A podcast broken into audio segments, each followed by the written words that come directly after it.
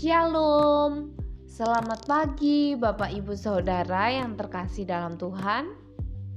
Bagaimana nih kabarnya hari ini?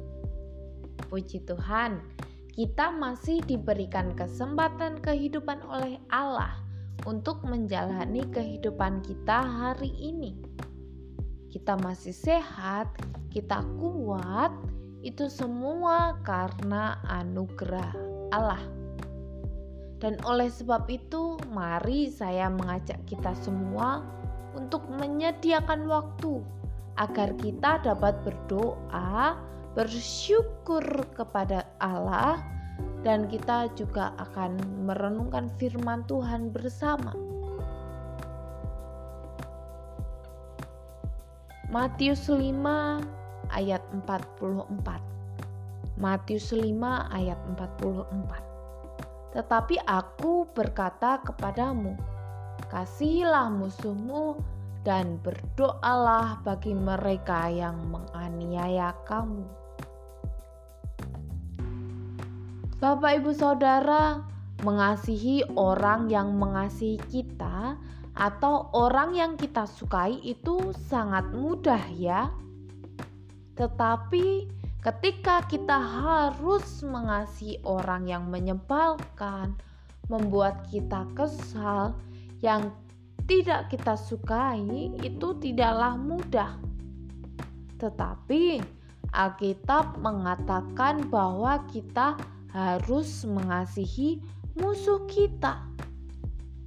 Musuh merupakan seseorang yang kita pandang sebagai orang yang merugikan kita dan juga orang yang menjadi ancaman bagi kita.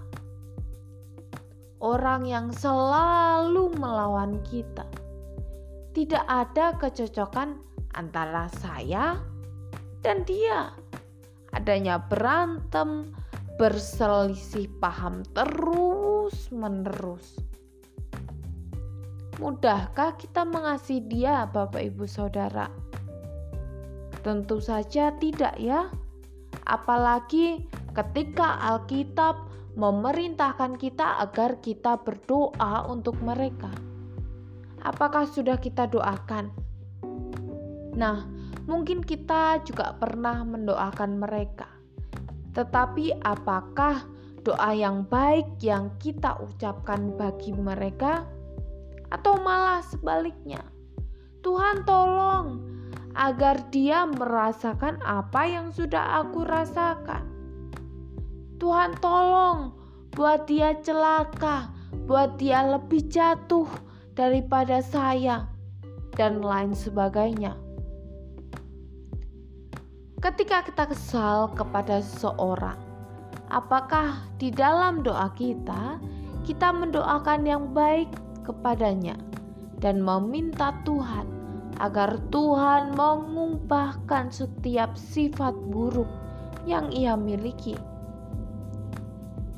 Bapak, ibu, saudara, sebagai orang percaya, kita diminta oleh Allah untuk mengasihi sesama kita, dan itu termasuk juga orang yang tidak kita sukai bahkan yang menjadi musuh kita.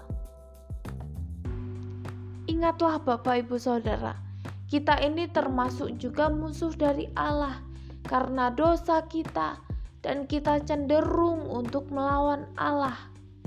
Tetapi Allah itu mengasihi kita.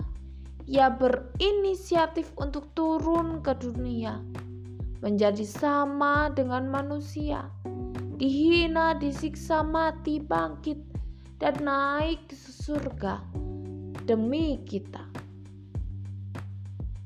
Sehingga kita sudah nggak perlu lagi nih mencari jalan keselamatan. Karena sang jalan itu telah menunjukkan kepada kita semua Bapak, ibu, saudara, Allah telah memberikan teladan kepada kita semua. Marilah kita meneladani apa yang telah Allah lakukan untuk kita. Mengasihi orang yang tidak kita sukai. Bagaimana caranya?